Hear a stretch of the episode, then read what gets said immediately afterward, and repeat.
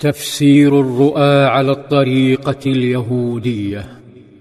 زفت الأميرة صفية بنت الخائن حيي بن أخطب إلى الأمير كنانة بن أبي الحقيق. ابن الخائن سلام بن أبي الحقيق. كان العروسان يشتركان في كره النبي صلى الله عليه وسلم والعداء له لكن العروس تلقت لكمة تركت هاله خضراء حول عينها.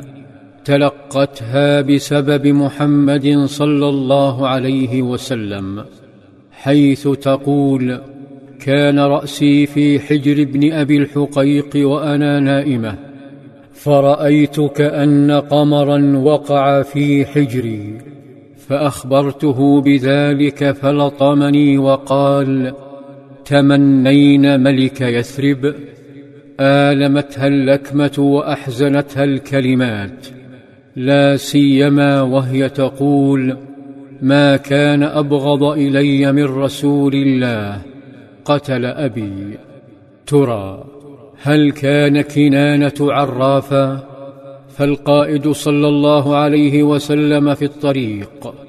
وفي الطريق كان صلى الله عليه وسلم يقرأ كل احتمالات الخطر. فعندما وصل إلى وادي الرجيع توقف لقطع أي إمداد عسكري قد يقوم به وثني غطفان ليهود يقول أحد الصحابة سار صلى الله عليه وسلم إلى خيبر في المحرم. فنزل بالرجيع واد بين خيبر وغطفان فتخوف أن تمدهم غطفان فبات به حتى أصبح فغدا إليهم. كان مسير القائد صلى الله عليه وسلم مع جيشه حالة من التماهي والود والعلم فحين أشرف الصحابة على واد رفعوا أصواتهم بالتكبير الله أكبر الله أكبر لا إله إلا الله.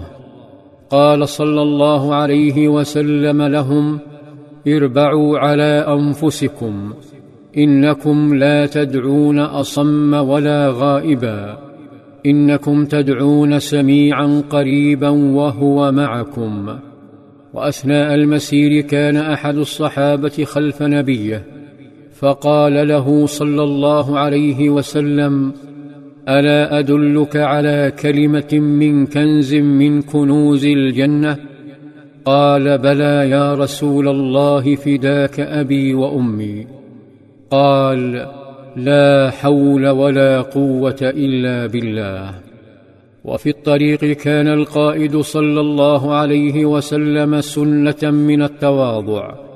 حيث ركب حمارا وعلى ذلك المركوب كان يسن لأمته سنة فقد رآه الصحابة يصلي النافلة على حماره والحمار يميل يمينا وشمالا ونزولا وصعودا بينما كانت القبلة خلفه صلى الله عليه وسلم.